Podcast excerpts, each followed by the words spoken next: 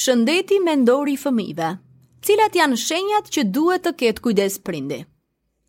Shëndeti mendor është mirëqenia e përgjithshme se si mendoni, rregulloni ndjenjat tuaja dhe silleni. Një sëmundje mendore ose çrregullimi i shëndetit mendor përcaktohen si modele ose ndryshime në të menduarin, ndjenjën ose sjelljen që shkaktojnë shqetësime ose prishin aftësinë e një personi për të funksionuar. Sëmundja mendore tek fëmijët mundet të jetë e vështirë për t'u identifikuar nga prindërit. Si rezultat, shumë fëmijë që mundet të përfitojnë nga trajtimi në kohën e duhur, nuk marrin ndihmën e nevojshme. Kuptoni se si të njihni këto shenja paralajmëruese të sëmundjes mendore tek fëmijët dhe si mundet ta ndihmoni fëmijën tuaj. Cilat janë këto çrregullime më të zakonshme tek fëmijët? E nisim me çrregullimet e ankthit. Çrregullimet e ankthit tek fëmijët janë frika, shqetësime ose shqetësime të vazhdueshme që prishin aftësinë e tyre për të marrë pjesë në lojë, shkollë ose situata tipike shoqërore të përshtatshme për moshën.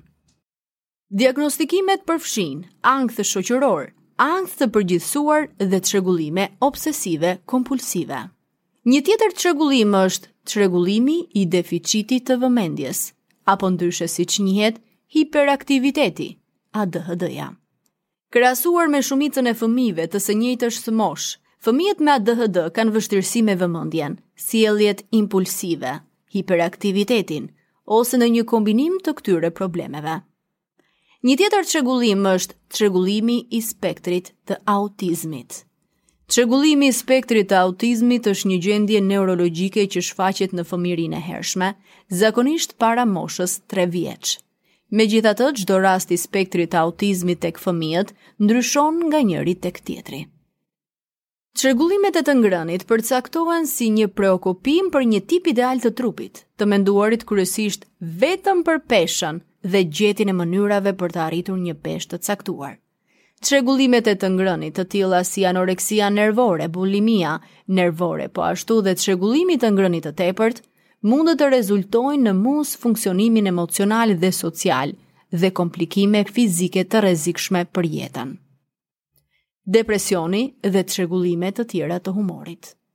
Depresioni është gjendja e vazhdueshme trishtimit dhe humbjes së interesit që prishin aftësinë e fëmijës për të funksionuar në jetën sociale, si në shkollë apo ambiente të tjera dhe për të bashkëvepruar me të tjerët. Çrregullimi bipolar rezulton në ndryshime ekstreme të humorit midis depresionit dhe ngritjeve ekstreme emocionale ose sjelljes që mund të jenë të pambrojtura, të rrezikshme ose të pasigurta. Çrregullimi i stresit post-traumatik. Ky është një shqetësim i zgjatur emocional, që vazhdon me ankth, kujtime shqetësuese, makthe që vijnë si pasojë e abuzimit, lëndimit ose ngjarjeve të tjera traumatike. Skizofrenia Skizofrenia është një çrregullim në perceptimet dhe mendimet që bëjnë një person të humbasë kontaktin me realitetin, psikozën. Më shpesh shfaqet në fund të adoleshencës deri në moshën 20 vjeç. Skizofrenia rezulton në halucinacione, iluzione dhe mendime dhe sjellje të çrregullta. Por a ka disa shenja paralajmëruese të sëmundjes mendore tek fëmijët? Po ka. Ato janë: trishtimi i vazhdueshëm, një ose më shumë javë, tërheqja ose shmangja e ndërveprimeve shoqërore, tentativa për të lënduar veten ose të flasë rreth mënyrave për të lënduar vetveten. Flet për vdekjen ose vetëvrasjen. Shpërthime ose nervozizëm ekstrem. Sjellje jashtë kontrollit që mund të jenë të dëmshme. Ndryshime drastike në humor, sjellje apo të personalitetit.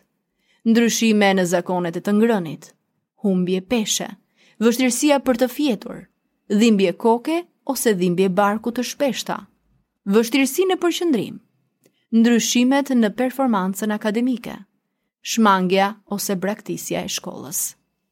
Por çfarë duhet të bëjmë nëse dyshojmë se fëmija ka një gjendje të shëndetit mendor?